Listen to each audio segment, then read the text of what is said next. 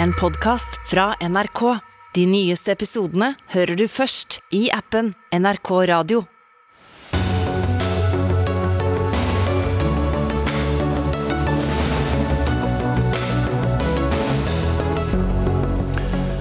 Kåre Willoch er død. Den tidligere statsministeren og Høyre-lederen ble 93 år. Erna Solberg, Kristin Clemet og Magnus Takvam minnes den tidligere politikeren. Enda kraftigere tiltak mot koronasmitte kommer i morgen, varsler regjeringen. Vi forsøker gjøre opp status per i dag. Regjeringen deler ut millioner av kroner til kommunene for å redde grunnskoler fra nedleggelse men tar tilbake millioner gjennom å redusere innbyggertilskudd fra kommunene. Og dersom du vil opp og frem her i samfunnet, må du legge bort kebabnorsken, advarer forfatter. Men det er en utdatert holdning, svarer en inkluderingssjef i Skipsted. Ja, da sier vi god mandagskveld og velkommen til Dagsnytt 18. Jeg heter Espen Aas. Først i sendingen. Kåre Willoch er død, 93 år gammel. Kåre Willoch var statsminister for Høyre fra 1981 til 1986, i tillegg til å lede både partiet Høyre og stortingsgruppen gjennom en årrekke. Etter politikken var han eh, både mm, fylkesmann i Oslo og Akershus, og også styreleder her i NRK. Da Kåre Willoch ble valgt inn på Stortinget første gang i 1957, var han datidens yngste folkevalgte på tinget, 29 år gammel. Og han var også den lengstsittende statsminister fra Høyre, inntil du vant ditt eh, andre valg, eh, Erna Solberg. Eh, hva betød Kåre Willoch for deg? Han har betydd kjempemye for meg, han har betydd kjempemye for partiet Høyre. Han har, sammen med selvfølgelig andre politikere på den tiden, var han jo det moderne Høyre etter eh, andre, andre verdenskrig. De som gikk inn for de liberaliseringene og endringene som vi i dag tar helt, eh, helt for gitt. Det at NRK har konkurranse, f.eks. Det at uh, vi kan handle mat etter klokken halv fem-fem på vanlige ukedager. At, at, vi har konkurranse i mye større grad. Men også mye av det som jo var hans kjennetegn, nemlig den ansvarlige økonomiske politikken politikken, det å ta vare på naturressursene, eh, det at vi har et system med statens direkte økonomiske engasjement som er kjempekjedelig for folk, men som betyr egentlig veldig mye for hvordan oljepolitikken har utviklet seg. Det ble et kompromiss mellom, mellom Høyre og Arbeiderpartiet. Kåre Willoch var helt sentral i disse tingene. Så det er veldig mye eh, både ideologisk, men også selvfølgelig de beste valgene Høyre har gjort, har vi gjort når Kåre Willoch var vår fremste kandidat. Mm. Kristin Clemet, leder av Tankesmien Civita, men også tidligere statsråd for Høyre, også politisk rådgiver for Willoch. Eh, du har kjent ham mer eller mindre hele livet. Eh, hva var det Willoch gjorde med eh, partiet Høyre, som bl.a. førte til denne høyrebølgen, slik at Høyre ble noe annerledes? Det var en veldig heldig tid for Høyre, og det skyldtes jo at vi hadde på den ene side Kåre Willoch med hans intellekt og klokskap og elskverdighet, vil jeg også si, kombinert med den veldig folkelige Erling Norvik, som veldig mange satte veldig stor pris på. Og så kan jeg kanskje tillate meg også å nevne min far. Fridtjof Clemet, som var generalsekretær og organisasjonsmannen. Og det ble et eh, De tre til sammen eh, bygget et veldig sterkt Høyre, både organisatorisk og politisk. Og Kåre Willoch, da han kom inn i regjering og ble statsminister, så er det jo som Erna sier, altså han reformerte jo virkelig Norge. Og flyttet Norge fra si, en periode med stadig mer reguleringsøkonomi og planøkonomi. Startet reformene. Den gangen var det veldig veldig kontroversielt i Arbeiderpartiet. Men sånn midt på 1980-tallet så aksepterte jo Arbeiderpartiet disse reformene og kom til at de var nødvendige å gjennomføre. Og så videreførte på mange måter Gro Harlem Brundtland den politikken, og den har jo tjent Norge veldig, veldig godt. Mm. Men øh, du som har kjent ham siden mm. du selv, selv var barn. Hvordan var han som person? Han, eh, jeg tror nok alle har sett i senere år at han var veldig snill og elskverdig, men jeg tror den gangen hvor han hadde mer formelle roller, så kanskje noen oppfattet han som litt mer streng enn han egentlig var. Vi opplevde han som snill. Det er mange også som sier at han har forandret seg så veldig med årene. Og jeg vil si vi som så han på innsiden, vi syns ikke forandringen har vært så stor. Han har vært opptatt av de samme tingene, f.eks. klima og miljø, så lenge jeg kan huske. Vært opptatt av en fast økonomisk politikk, men ikke liksom Han var veldig opptatt av at vi måtte ikke altså at Grådighet er han alltid mislikt, og det er ikke noe som han kan kommet på de senere år, det er noe han alltid sto for. Så han, han Og jeg vil nok si at han innga mye respekt, hadde mye naturlig autoritet. Jeg kan ikke si at vi ikke kanskje også var litt redd for han da vi var unge, fordi han var jo, var jo veldig, veldig dyktig. Så eh, vi hadde nok Og jeg har sagt litt for spøk at eh, det er jo nå ganske mange tiår siden han bokstavelig talt var sjefen min, men helt til det siste har jeg nesten følt at han, han var det. Fordi eh, når han, han, var alltid engasjert, og hvis jeg traff ham på gaten og han sa at 'dette burde du se på', så var det liksom sånn at jeg følte at jeg måtte gå og se på det. Mm. Mm. Han skrev jo også veldig nøye om konservatismens uh, historie. Var han en veldig ideologisk uh, høyremann, Erna Solberg? Ja, han var en veldig ideologisk høyremann, men ikke i ordene men i den praktiske politikken. Og det tror jeg er veldig viktig å si. Det er mange som tror at du må være ideologisk for at du snakker mye om ideologi.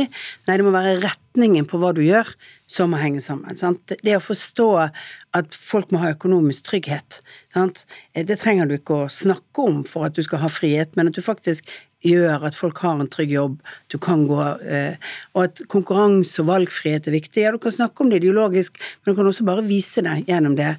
Så min opplevelse er jo at han, at han, eh, at han kanskje var mer ideologisk i hvordan han metodisk jobbet, enn han egentlig var det i å holde de prangende ideologiske innleggene.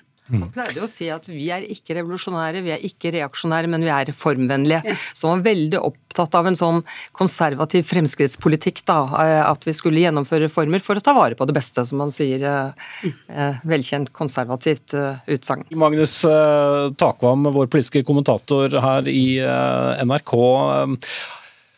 Willoch måtte også gå av på et kabinettspørsmål da i 1986.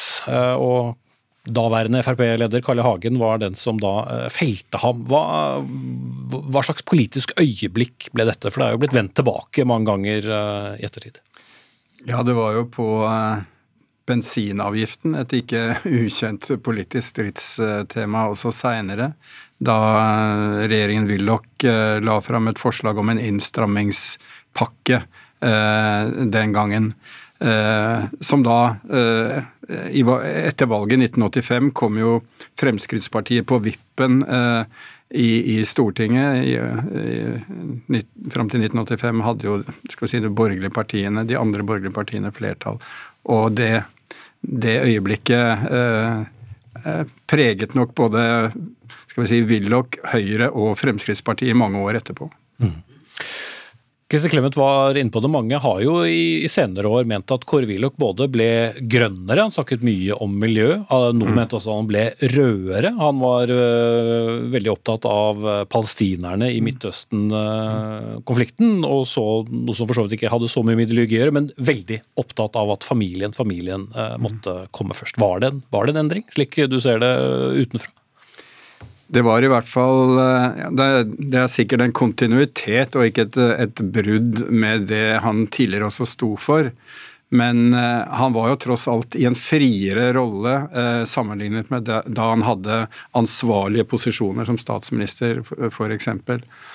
Men det som preget noen av de sakene han senere var opptatt av, var jo et resultat av at han eh, skal vi si, lot seg påvirke av eh, omgivelsene rundt seg. Vi har nevnt f.eks. synet på selvbestemt abort, der diskusjoner med hans døtre og kone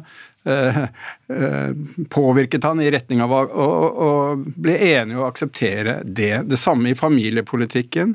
Han var opptatt av familienes økonomi, det at familiene skulle ha økonomi til å, til å få barn osv. Tema barnetrygd. Der, der eh, bidro han på landsmøtet i 2017 tror jeg, til at med sin tale og forsvar for en økt barnetrygd, at landsmøtet på en måte ikke gikk i feil retning, ifølge han. Så eh, ja, han, det var kontinuitet, men han endret syn etter hvert som han, han eh, ble overbevist om, om en sak, f.eks. Israel-Palestina-konflikten, som, som, mange eh, som sto på en annen eh, side i den betente konflikten i, i, mange år, kritiserte ham for. Det var, det var ingen tvil om at han hadde en veldig klar profil der etter hvert, og også mye basert på egne opplevelser. En reise med utenrikskomiteen i den regionen på et tidspunkt. Mm. Da skal vi stå over til Stortinget, for der er du kollega Lisbeth Skei sammen med statsminister Jonas Gahr Støre. Hvordan blir nyheten mottatt på, på Stortinget i dag? Ja, Vi står her på statsministerens eh, kontor. og Jonas Gahr Støre, hvilken betydning hadde Kåre Willoch i norsk eh, politikk? Han var jo en markant skikkelse i norsk politikk fra 60-tallet og utover. Eh, og han var jo den som målbar det som ble kjent som høyrebølgen. Og Høyre vant valg og regjerte på 80-tallet. Og så var det nå en, en mann som forble aktiv i norsk samfunnsdebatt hele livet ut alltid engasjert, alltid veldig oppriktig. Han ble jo kjent som en tøff debattant, men en elskverdig mann, som man kunne si om han. Så eh, veldig mye av Kåre Willochs liv var han en eh, ledende skikkelse i norsk samfunnsdebatt og politikk. På hvilken måte, eller hvordan, eh, hva, eh, hva slags politisk motstander eh, var han?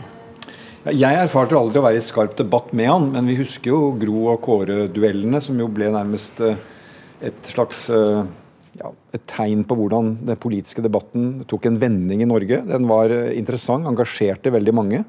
Uh, og Det har vært også spennende å se de to nå snakke sammen uh, i senere år, hvordan samtalen kunne utvikle seg videre. Men han var nok kjent for alle som møtte han som tøff. Han kunne sine saker, han var skarp.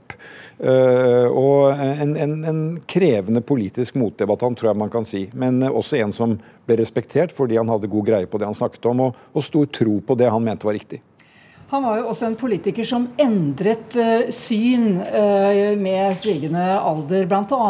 i Palestina-spørsmålet. Hva sier det om ham som politiker? Jeg vil si at han var et levende, tenkende menneske uh, gjennom hele sitt liv. Og jeg erfarte jo som utenriksminister at mange samtaler med Kåre Willoch hvor han var, inntok nye syn på ting etter hva han så. Og det var jo særlig dette med palestinernes rettigheter.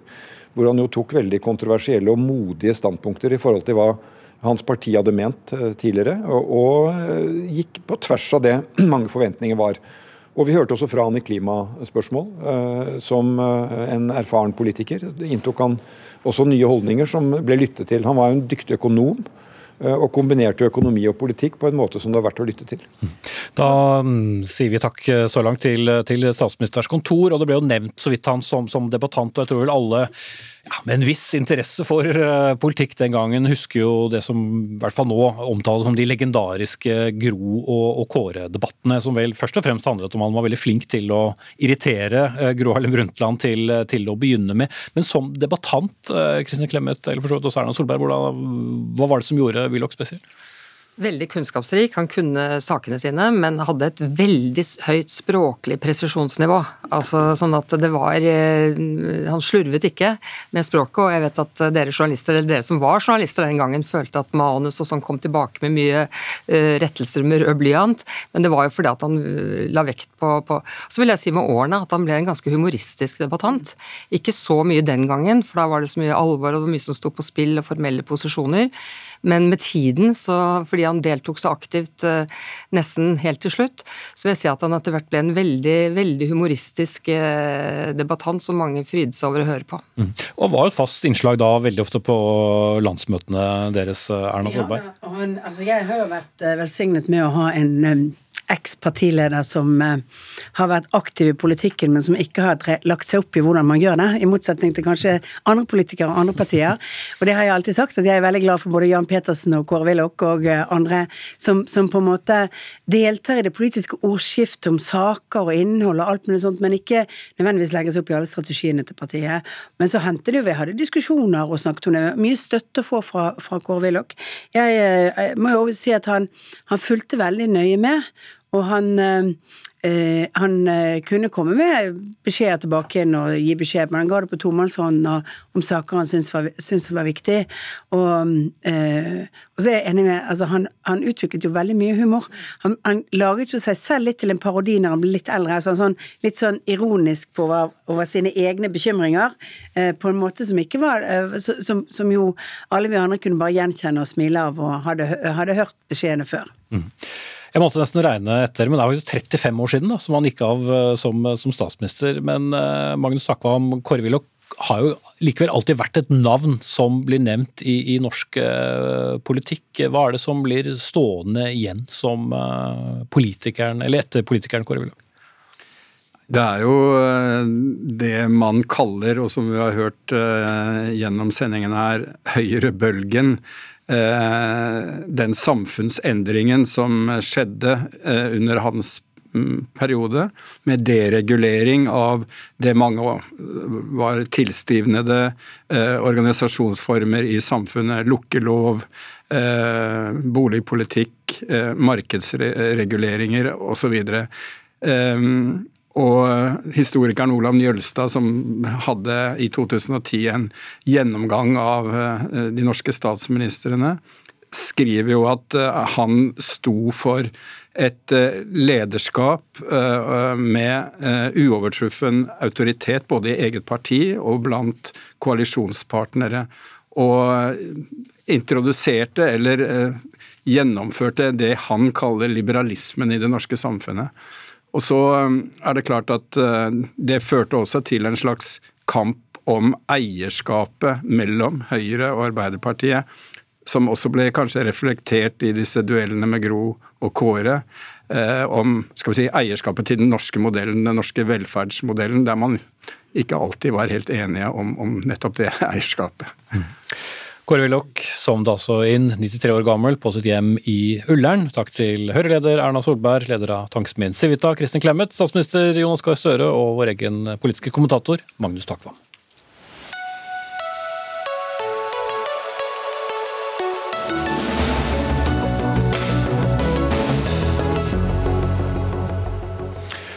Så tilbake til koronapandemien. I morgen er det varslet eh, nye tiltak, strengere tiltak mot, eh, for å unngå ytterligere spredning av koronaviruset. Anbefalingene de kommer eh, etter å ha Eller anbefalinger fra forskjellige helsemyndigheter er blitt sendt til regjeringen, som nå skal vurdere hvilke tiltak som må settes i verk. Og Bakgrunnen er naturlig nok den hyppige spredningen, og ikke minst omikronviruset, som ser ut til å være langt mer smittsomt enn deltaviruset.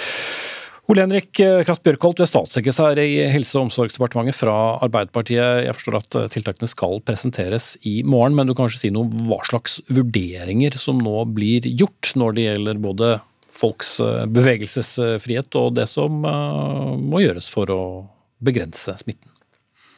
Ja, så Når det kommer til de konkrete tiltakene, så er det ikke tatt endelig stilling til, til det helt enda, men, men, det er klart det er den samlede situasjonen. Det er den gradvis økende eh, smittetendensen vi har sett med delta-varianten gjennom eh, høsten.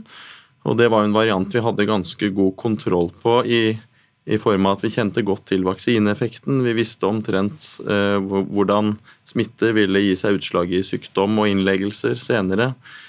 Eh, men eh, det er klart, når på toppen av den stigningen så kommer denne nye mutanten inn i bildet, så er jo det noe som Eh, som samlet sett taler for en strengere tiltaksbyrde. Mm.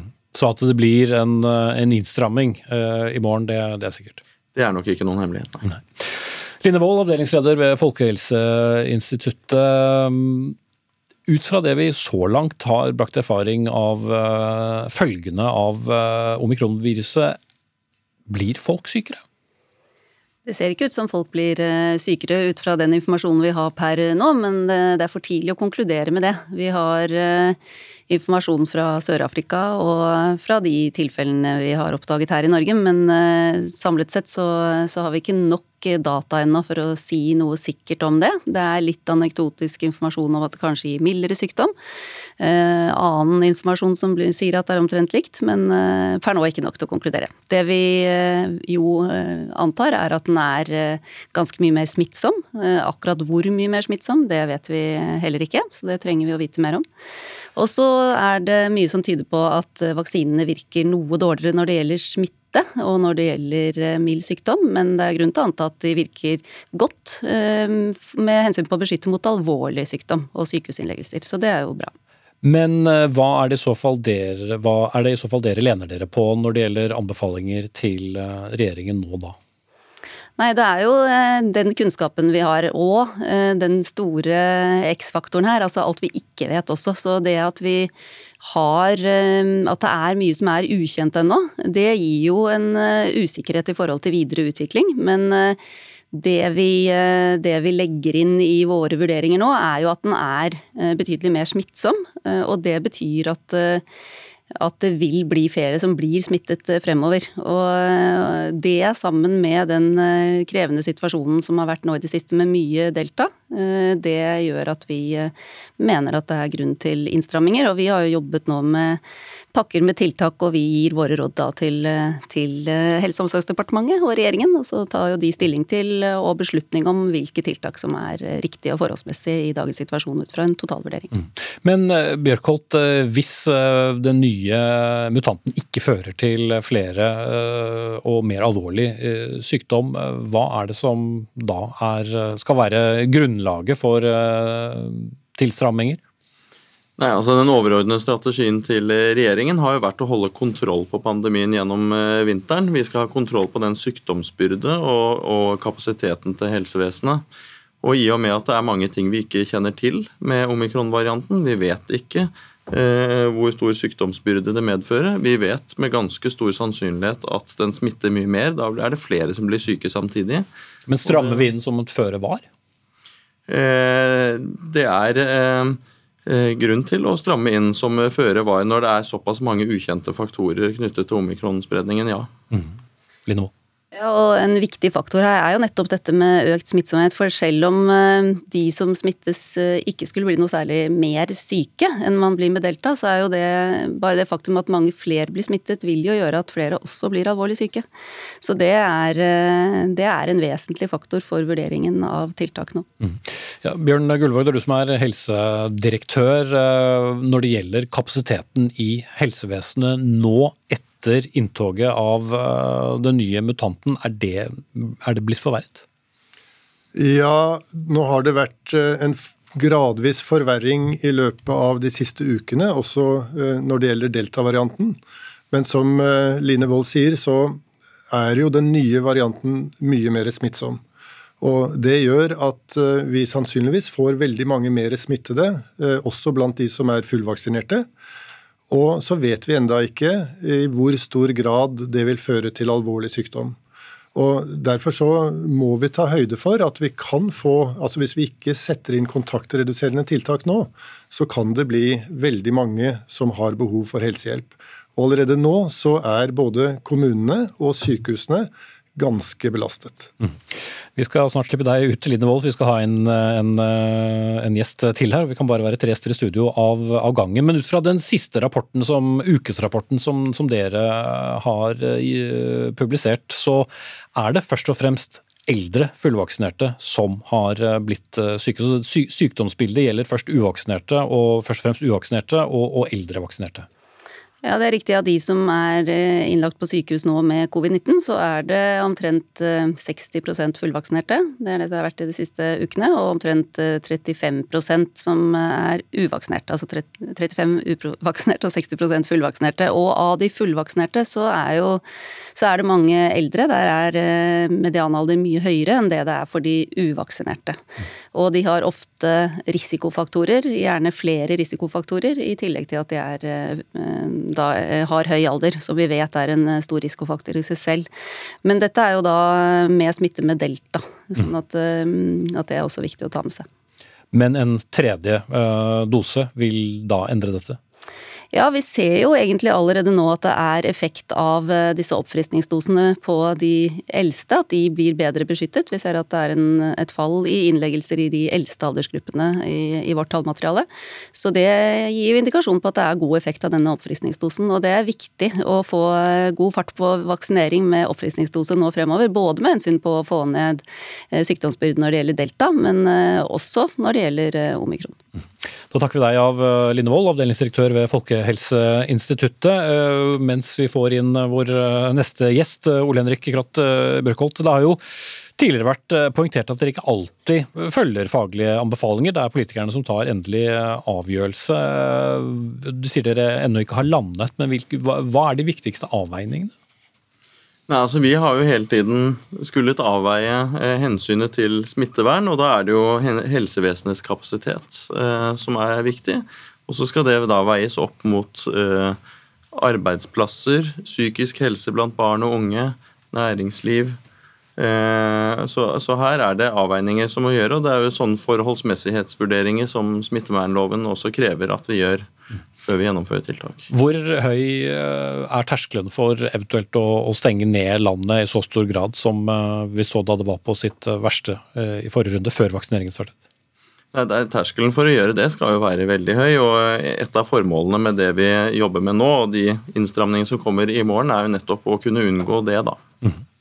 Mats Gilbert, overlege og professor emeritus i Tromsø. I dagens utgave av Klassekampen så sier du sitat at vi er, vi er bakpå.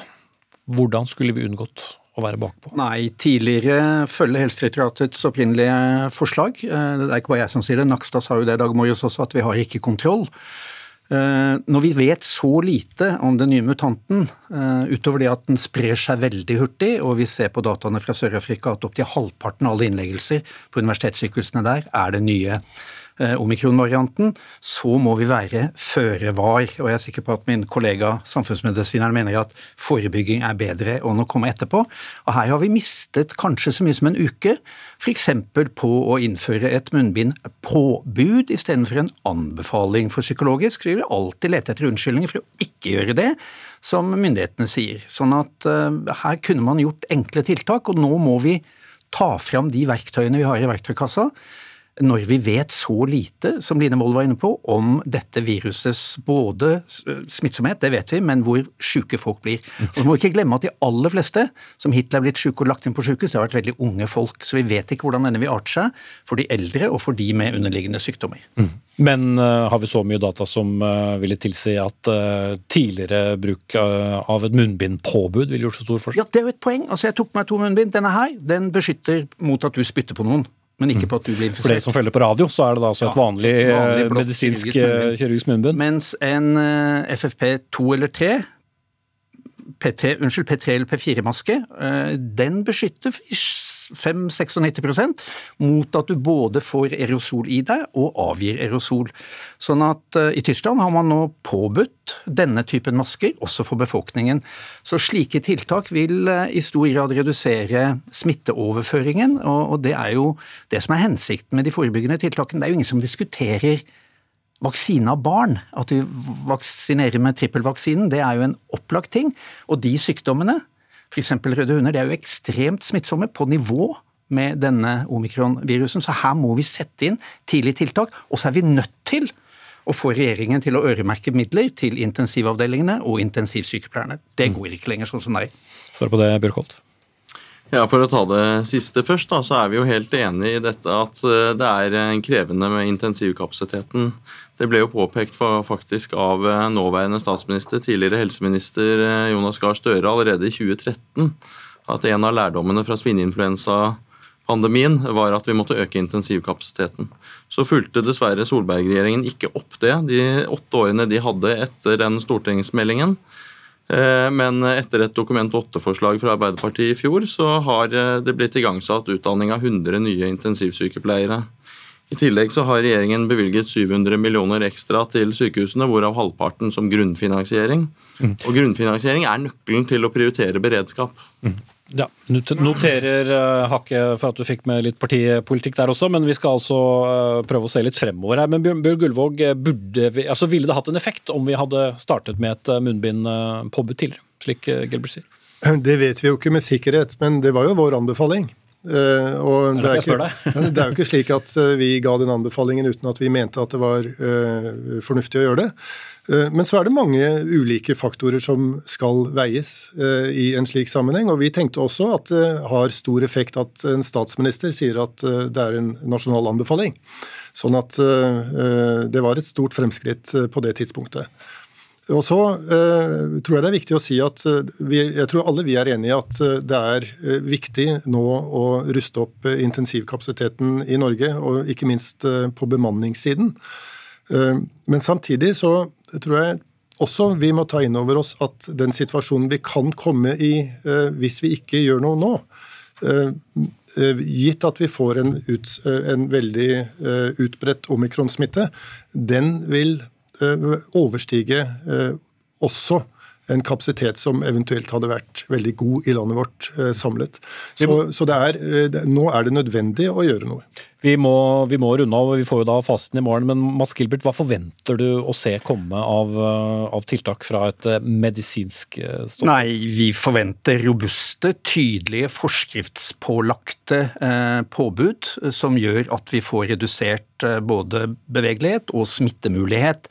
Og så har jeg bare lyst til å si at dette med at det er gitt eh, noen millioner til sykehusene, det er bra, men det er ikke øremerkede midler, og det kommer ikke fram til intensiv, fordi norske sykehus og primærhelsetjenesten har vært sultefòret kontoret i 20 år nå, og underfinansiert. Og da må vi ha øremerkede midler til å styrke intensivkapasiteten. Ok, da fikk du sagt det. Mads Gilbert, overlege ved Universitetet i Tromsø. Takk til helsedirektør Bjørn Gullvåg og Ole Henrik Kratt Bjørkholt, statssekretær i Helse- og omsorgsdepartementet fra Arbeiderpartiet. Og pressekonferanse og nye tiltak blir altså presentert i morgen.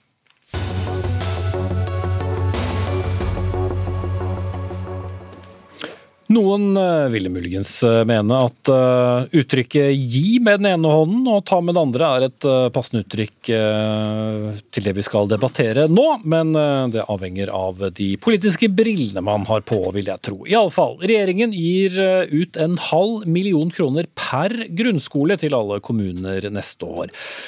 Grunnen til at de gjør det, er at de ønsker å bremse nedleggelsen av eh, skoler. Men eh, den samme regjeringen reduserer også det som heter innbyggertilskuddet i kommunene, som er en viss pengesum som gis per eh, innbygger. Så blir det jo da flere jo mange innbyggere som er der.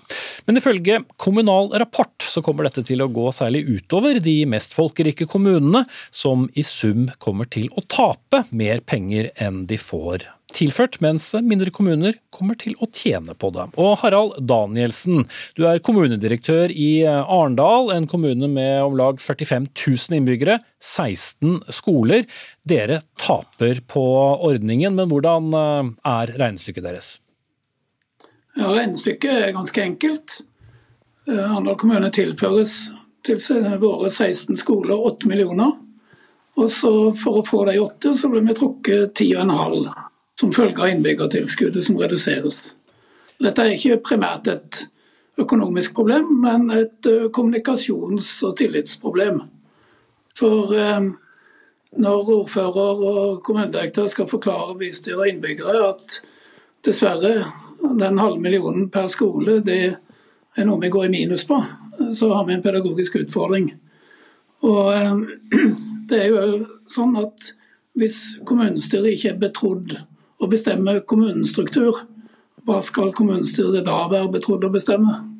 Så hva er eh, meldingen som, som, dere gir til deres eh, innbyggere når det gjelder dette tilskuddet? Nei, er, eh, Vi må jo fortelle at det tilskuddet det koster oss mer enn vi får. Og det er i realiteten en omfordeling fra folkerike kommuner til til kommuner med få innbyggere. Jf. en av våre naboer som har én skole og 2000 innbyggere. De kommer ut i pluss. Så her kunne en like godt fortalt rett ut at eh, det skjer en omfordeling. Mm. Men mange vil jo ofte si at eh, en omfordeling er nettopp eh, det som trengs. Et fordel for små kommuner med, med få innbyggere og få og lavere andel skattebetalere. Ja, det er en politisk vurdering som er helt legitim på alle måter. Men det blir en, eh, en skjult overføring fra folkerikkommunene til små. Og Det er det som gjør det vanskelig å forklare og vanskelig å begripe for både innbyggere og folkevalgte. Og, eh, og det virker veldig unødvendig å kamuflere det. La oss uh, høre med regjeringens mann, Bjørn uh, Arild Gram, kommunal- og moderniseringsminister fra, fra, Senterpartiet, og tidligere styreleder da, i kommunenes interesseorganisasjon KS. Hva sier du til folk som Harald Danielsen og mange av landets store byer som, som kommer til å gå saftig ut i minus på, på den ordningen? Altså, jeg er ikke enig i uh, framstillinga av regjeringas uh, politikk for kommuneøkonomien. Dette er jo, vi, tar, vi tar nå ut ett lite element i den samla politikken. Og det som Harald Danielsen burde fortelle sitt eh, bystyre, er jo at eh, til tross for at akkurat den ordninga at han taper 2,5 millioner på det, så, kommer, så styrkes også kommuneøkonomien i Arendal med over 13 millioner neste år. Det er det som er sumvirkninga av regjeringens politikk. Mm. Men det ser jo utvilsomt litt sånn snodig ut når regjeringen sier hallo alle kommuner, nå skal dere få masse penger per grunnskole, ikke masse penger, men skal få penger per grunnskole for å beholde dem. Men har dere mange innbyggere, ja så tar vi fra dere mer penger enn dere får det, det, viktigste vi gjør for å sikre gode skoler i hele landet, er å styrke den samla kommuneøkonomien. og Det gjelder altså alle kommuner, også etter å ha tatt hensyn til akkurat dette elementet. Jo, men mot, ja, eh, også, motkontoen med å ta tilbake eh, innbyggertilskudd? Ja, det er jo rett, altså det, det resonnementet er rett. Det er jo en omfordeling, men først og fremst et incitament til kommunene. Det som skjer, er at det trekker 1,25 milliarder ut av ei mye større kommuneramme enn den foregående regjeringa, og også gis de samme midlene tilbake igjen, men fordelt på en litt annen måte etter eh, antallet grunnskoler. Mm. Nettopp for å gi deg et incitament til å sikre en desentralisert skolestruktur nært folk. Helge Eide, du er direktør for eh, interessepolitikk i KS, da, sammenslutningen av norske kommuner. Du eh, har omtalt dette som et anti-innovasjonstiltak, utover å være et vanskelig ord. Hva, hva legger du i det? Det er fordi at, eh, som jo kommunalministeren eh, i en rekke sammenhenger også som KS-styreledere har pekt på, så er ikke det bare mer penger som er viktig for eh, kommunen, det er også mulighetene til å foreta omstilling. Og dette her er jo eksempel på et tiltak hvor man vil gi et, et incitament, som det heter, til å la være å omstille seg. Og selv om vi er de aller første til å anerkjenne at det var veldig positivt det som skjedde med tilleggsnummeret, at det kom ekstra midler til kommunene, kom, eh, som jo på 2,5 milliard kroner, så må vi også si at akkurat dette tiltaket, som egentlig er et, et politisk signal om å begrense eh, omstilling, det kunne vi klart oss uten. Vi er sikre på at eh, kommunepolitikere og administrasjonen i hver eneste kommune i Norge, enten de er store eller små, er i stand til å fatte kloke vurderinger om nødvendig skolestruktur, helt uavhengig av dette. Hva betyr et tilskudd på 500 000 eh, til en kommune som sitter og teller på knappene og vurderer å legge ned en eh, grunnskole? Ja, Det vil jo framtiden eh, vise. Men ut ifra det vi vet om hvor kompliserte disse beslutningene er, de omfattende vurderingene som ligger til grunn i forkant eh, av det, og de politiske prosessene, eh, så vet vi nok at det skal nok veldig mye mer til enn 500 000 kroner per enkeltskole for, for at det reelt sett vipper eh, en, en, beslutning i en kommune. Altså, kommuner vil ikke gripe fatt i et så krevende tema som eh, skolestruktur ene og alene pga. 500 000 kroner. Det er veldig mye mer det er snakk om. Det, det, er store økonomiske utfordringer. Det er ikke minst hensynet til læringsmiljøet på skolene. Så, så, skal vi tippe på forhånd, så vil jeg nok tro at dette er nok viktigere som et politisk signal enn den reelle økonomiske konsekvensen for kommunene. Mm -hmm. Ingen applaus her, Gram? Nei, men Det er bra vi er enige om at eh, det var viktig å få styrka økonomien til alle kommuner. da, og Det er det som jeg sa gir det beste grunnlaget også for å ha gode skoler i, i hele landet. Så har nok Helge Eide rett i det at det er mange forhold som avgjør strukturen på de ulike tjenestene i kommunene, og det er fullt ut kommunene som bestemmer det mm. sjøl. Jo, men når man gir øremerkede midler, da, 500 000 til eh, hver, eh, hver, skole, så gjør man vel det for at det skal være et poeng og ikke en symbolhandling? Jeg vil ikke si at det gis øremerka midler, dette er en del av de frie midlene til kommunene. Men fordelinga av midlene er da på margin påvirka av antallet grunnskoler du har. Ok, men poenget er vel at uh, man da skal beholde grunnskoler ja, og ikke det, legge dem ned? Det gir da et ekstra insentiv til å beholde grunnskolene og ikke legge dem ned. Men den vil nok uh, være mange forhold som vurderes uh, når, vurdere, når et kommunestyre, bystyre, skal vurdere skolestrukturen. Det er økonomiske forhold, men det kan også være andre forhold. Mm. Men hva er da poenget? Poenget er å gi en, et ekstra insentiv, en stimulans til å sikre noe som jeg tror erfaring. Jeg har vært ordfører i mange år sjøl, og noe av det som jeg vet eh, kanskje innbyggerne aller mest er opptatt av når det gjelder å ha tjenester nært seg, er nettopp det å ha skolen eh, nært seg. Betyr mye i et grendesamfunn, i et lokalsamfunn, å ha skole nært seg. Mm. Ut fra oppstillingen da i Kommunal Rapport, som også stadig er, er kilden for denne saken, Helgeide, Helge Eide, så ser man jo ut fra hvor stor byen er, eh, så taper man mest. Og jo mindre kommunen da er, jo mer, mer vinner man. Er det en klart omfordelingstiltak, slik Harald Danielsen peker på? Ja, det er det, og det er jo åpenbare grunner til det.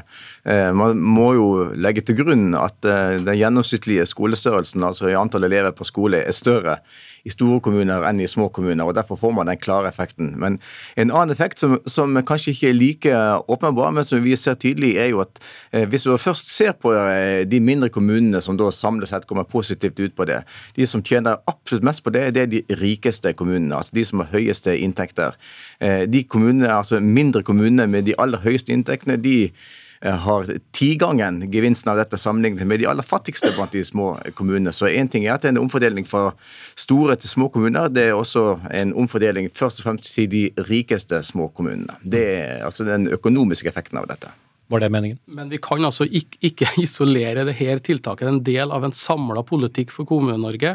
Alle kommuner får styrka sin økonomi betydelig sammenlignet med avgåtte regjerings forslag, f.eks. Arendal, som sjøl om man taper 2,5 millioner kroner da, snaut på det her, akkurat dette elementet, likevel får styrka sin økonomi neste år med 13,1 millioner kroner. Det må jo tross alt være å foretrekke, tenker jeg. Så de skjønner ikke selv hvor godt de har det med, med, med dere i regjering, er det det du sier? Jo da, det gjør man nok, men jeg syns det kan Jeg gjentar at vi er veldig glad for akkurat den styrkingen av kommuneøkonomien som kom i tilleggsproppen. Det var en god innsats fra Bjørn Arild Gram. Men ikke så begeistret for dette?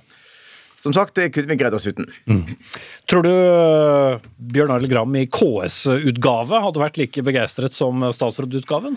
det er det ingen betydning og poeng å spekulere i. Poenget, jeg tror, altså, jeg, jeg tror det som KS-leder i valget mellom foregå, for avgåtte regjering, Solberg-regjeringas forslag til statsbudsjett for neste år, og det vi nå har lagt fram, så jeg, hadde jeg soleklart foretrukket det siste. Jeg skal ikke komme med en vurdering om jeg var overrasket eller ikke over det svaret, men jeg takker dere av. Bjørn Helge Gram, kommunal- og moderniseringsminister fra Senterpartiet, Helge Eide, direktør for interessepolitikk i KS, og tidligere også Harald Danielsen, som er eh, kommunedirektør i eh, Arendal.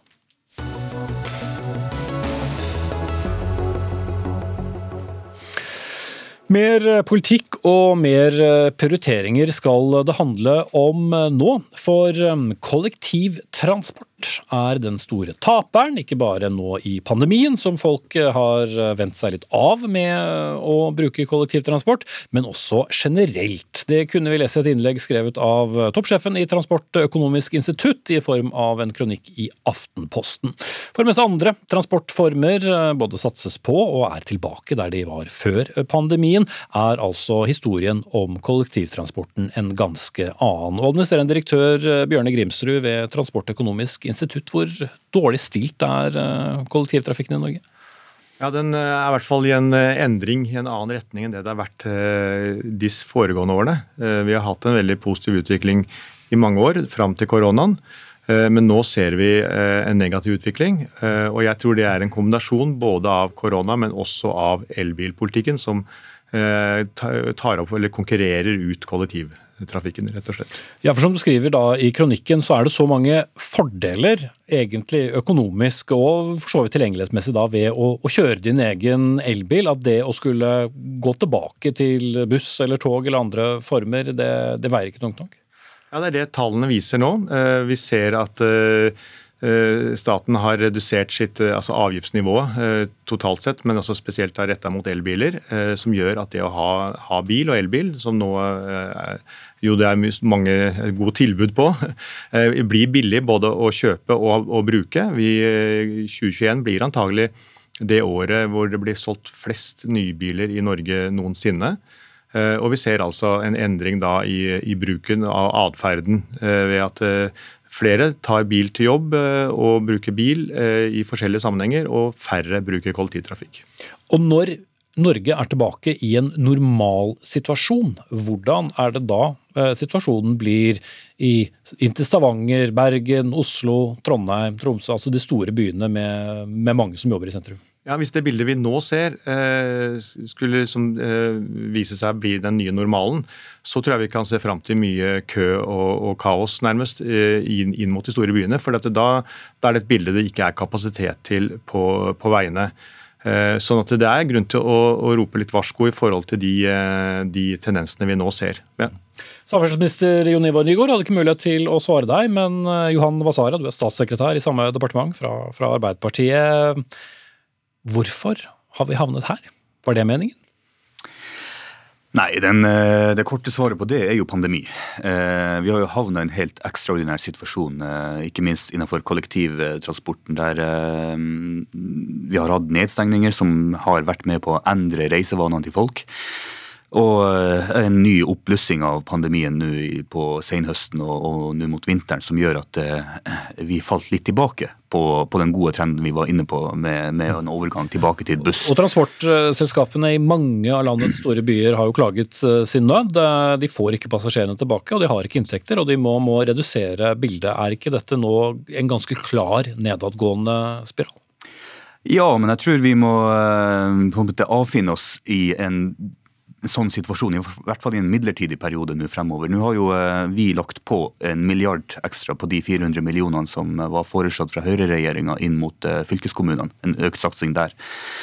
Og de altså 500 pluss 500, da, en milliard som kommer på toppen, utgjør jo at fylkeskommunene sitter igjen med ca. 1,4 milliarder mer i 2022 enn det de gjorde i år. Men jeg tror mange vil si at det er et lite plaster på, på et stort sår som, som blør? Det er et viktig plaster, for det handler litt om å eh, kjøpe oss tid til eh, som nevnt her, den nye normalen har festa seg, til vi vet liksom hvordan transportmønsteret ser ut. Eh, men, men, hvis vi venter, Grimsrud, hva, hva, hva, skjer da? Nei, jeg tenker at man er nødt til å tenke gjennom altså hvis, vi, hvis, man ønsker en annen utvikling enn den vi ser nå, så må man gjøre noe annet enn det som skjer nå. Mm. Og Hva da? Gjøre det dyrere å kjøre elbil, f.eks.? Eh, ja, jeg tror altså at, at, at, man må endre det konkurranseforholdet mellom kollektiv og, og elbil elbil. Eh, og da kan, kan det, eh, riktig det å gjøre det dyrere å kjøre elbil. Det er jo tross alt eh, slik at altså det, er, det er jo vært en titalls milliarder mindre på bi, avgifter på bil nå enn det har vært for noen år siden.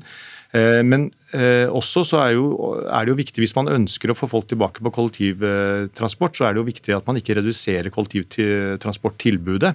For det vil jo bare gi en forsterket effekt, negativ effekt. Sånn at eh, det er flere ting som eh, må til her. Og som sagt, jeg tror at det, det vi, snakker, vi, snakker, om en pandemieffekt, men vi snakker nok også om en større effekt enn det i forhold til, eh, i forhold til hele konkurranseforholdet da, mellom biltrafikk og kollektivtrafikk. Mm. Og bare for å ta et lokalt eksempel, da, Det koster jo samme for en, en enkeltbillett på, på, bussen i hovedstaden som du kan, leie, nei, som du kan lade en elbil i sju-åtte timer på kommunens uh, nett for den samme prisen. Uh, gjør vi det for enkelt å velge bort uh, kollektivtransporten, Vassara? Jeg tror det er viktig å beholde en del av insentivene for at folk skal velge nullutslippskjøretøy. Det er viktig ikke minst i de områdene der man ikke har velutbygde kollektivtilbud. Eh, men så tror jeg det er også greit å altså, Nå har jo Stortinget også varsla en gjennomgang av NTP-porteføljen med tanke på vei Altså Nasjonal transportplan, for dere som ikke kan ja, de tre bokstavene? Ja, ja kontra, altså i sammenhengen mellom vei og, og kollektivtilbud. Eh, for det er jo ikke å legge til altså, Eh, legger skjul på at det har vært en ganske storstilt satsing på vei, og da spesielt motorvei de siste årene, som vi får tilbakemeldinger på, er med på å utkonkurrere kollektivtilbud. Så, så her er det jo et stort sammenheng som eh, vi selvfølgelig er glad for å få faglige innspill på, bl.a. fra Tøy. Mm. Men hvis vi har så gode veier, så er det kanskje dumt å gjøre det enda mer attraktivt eh, å kjøpe seg ny bil med, uten moms, og som i tillegg er langt rimeligere å kjøre i bomringer, billigere å parkere osv. Når har man vunnet over eh, de fossile bilene med elbiler? Vi kan vel ikke være så langt unna hvis vi ser på salgstallene? Nei, Vi har jo fortsatt en vei å gå. Eh, og som sagt så handler det jo også om eh, de områdene som ikke har et velutbygd kollektivtilbud. Og men det er jo klart at det, på et eller annet tidspunkt så vil man jo være der med at eh, vi, for, altså vi ønsker å skyve, og det ønsker vi generelt, altså det har jo Stortinget lagt føringer for, å skyve en del av veksten, passasjerveksten, trafikkveksten over på kollektiv. Så det målet ligger jo fast der, uavhengig av eh, eh hva man gjør med, med fossil kontra elbil. Ja, nei, Stortinget har egentlig ikke lagt føringer for det. for Dette som ligger i Nasjonal transportplan er jo en, en framskriving hvor det er biltrafikken som øker mest, eh, og ikke, de, ikke kollektivtrafikken. Eh, sånn at eh, Hvis man ønsker å øke kollektivtrafikken, så må man faktisk gjøre noe annet enn det som ligger i den transportplanen som ble, som ble på en måte behandlet, men riktignok ikke vedtatt i Stortinget i våres. Og Det er litt det som jeg ønsker å rette oppmerksomheten mot. at at du ser, ganske, du ser noen atferdsendringer nå. Jeg tror at eh, elbilen nå står ganske sterkt i konkurransen med diesel- og bensinbil. Det er kommet eh, mange typer elbil på markedet, og den, den, konkurransen kommer de til å vinne. Eh, og Derfor så er dette her et viktig tema å, å ta nå, og viktig å, å, også tenke inn i planlegging og planleggingsforutsetningene, slik at ikke man planlegger for noe man ikke ønsker, men planlegger for det man ønsker. Mm. Men å ta bort fordeler er jo fryktelig populært for politikere. Nei, det var det visst ikke. Hva sa du? Nei, men Det handler jo også om å gjøre kollektivtilbudet attraktivt. Eh, og så er vi jo der i dag om at vi har en mellomperiode nå, forhåpentligvis, eh, med pandemien som har blomstra opp, der vi må sikre at eh, fylkeskommunene har de rammene de har, de trenger da for å opprettholde Men hvordan gjør man kollektivtilbudet attraktivt? Det er jo sannsynligvis å gjøre det billigere og enda hyppigere avganger. Men når de samme kollektivselskapene har blødd eh, økonomisk eh, i, i lang tid, så mm. er jo det ikke det samme. Nei, og Da er det jo viktig at staten stiller opp med kompenserende tiltak, som vi har gjort nå, med, med den milliarden som er påblussa opp på de 400 millionene som lå der fra før. Eh, for å gjøre at vi, altså for at i en overgang til en ny normal. Ehm, fordi bussene må gå. Ehm, vi må ha et kollektivtilbud der som gjør at folk har et reelt valg om å velge kollektiv fremfor bil. Ehm, og, og den situasjonen eh, må vi jo altså, rigge fylkeskommunene for eh, fremover. Mm. Vi får se hvordan det går. Har vel en liten anelse om hva fylkeskommunene vil svart akkurat nå. I hvert fall. Takk til Johan Wasara, statssekretær i Samferdselsdepartementet, Samferdselsdepartementet fra Arbeiderpartiet, og Bjørne Grimsrud, administrerende direktør i Transportøkonomisk institutt.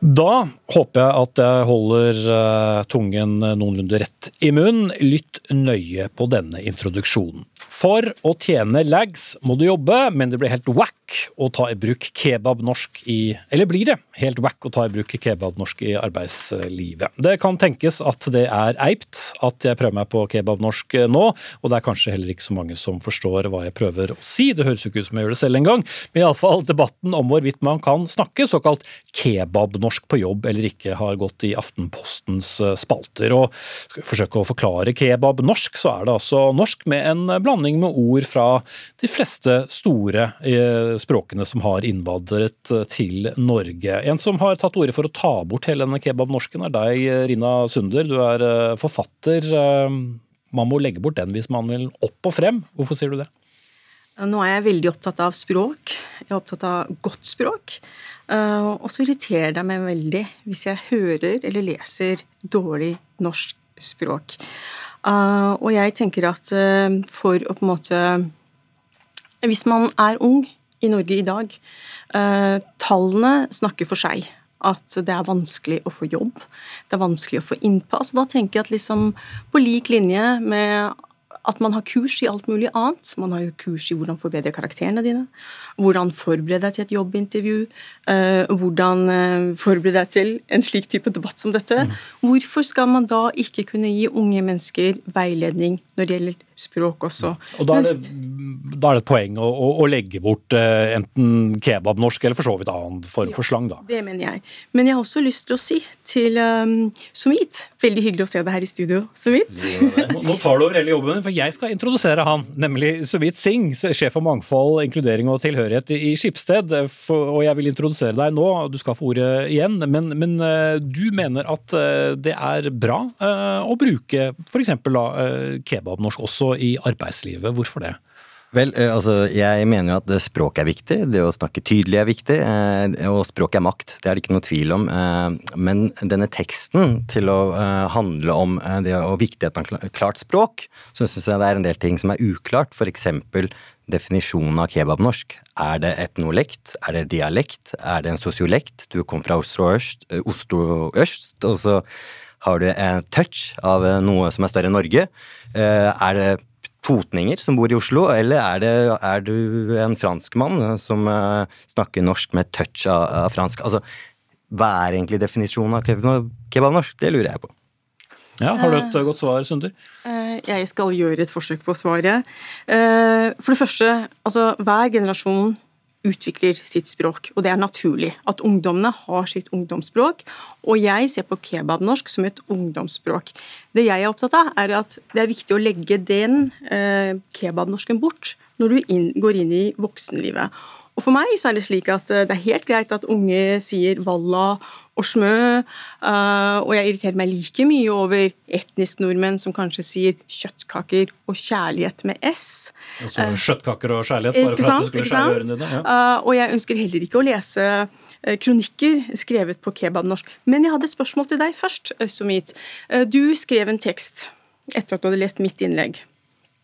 Og det jeg reagerte litt på, er at du jobber i Skipsted som er Norges største mediekonsern. Dere har seks av de største avisene i deres portefølje. Hvorfor publiserte du ikke den teksten i VG eller Aftenposten? Det var det første jeg tenkte at så rart det var.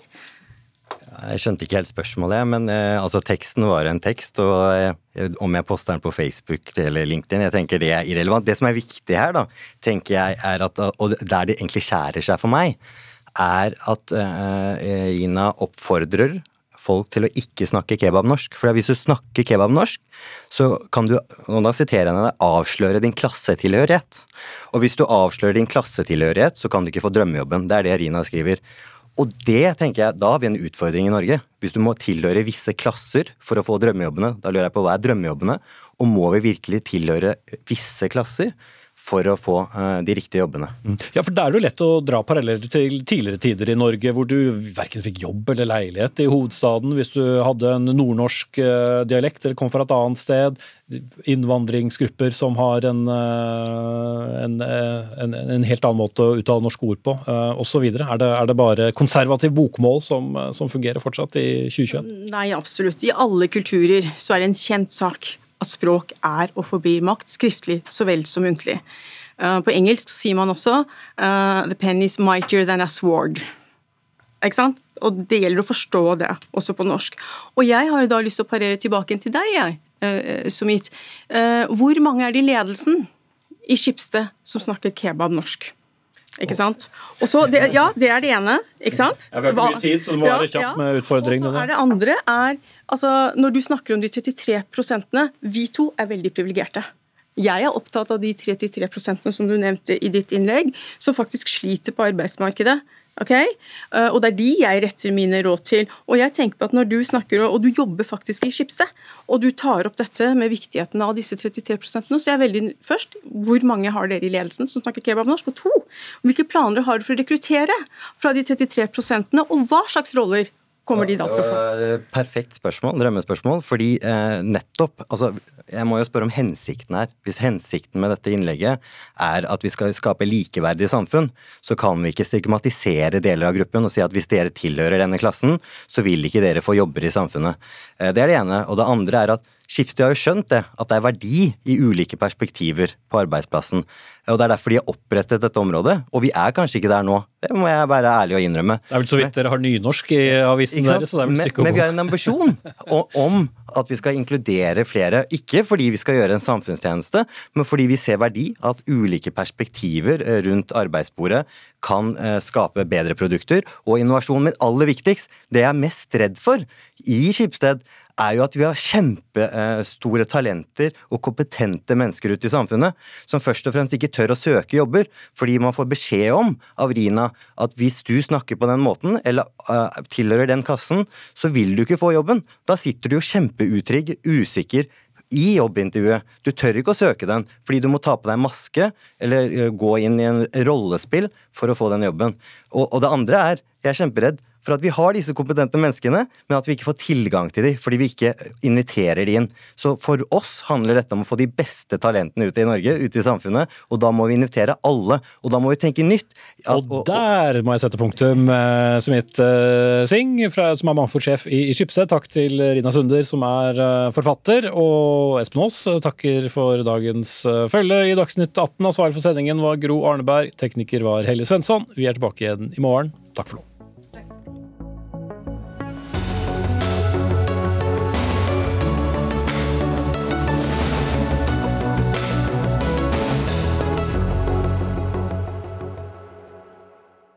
Du har hørt en podkast fra NRK.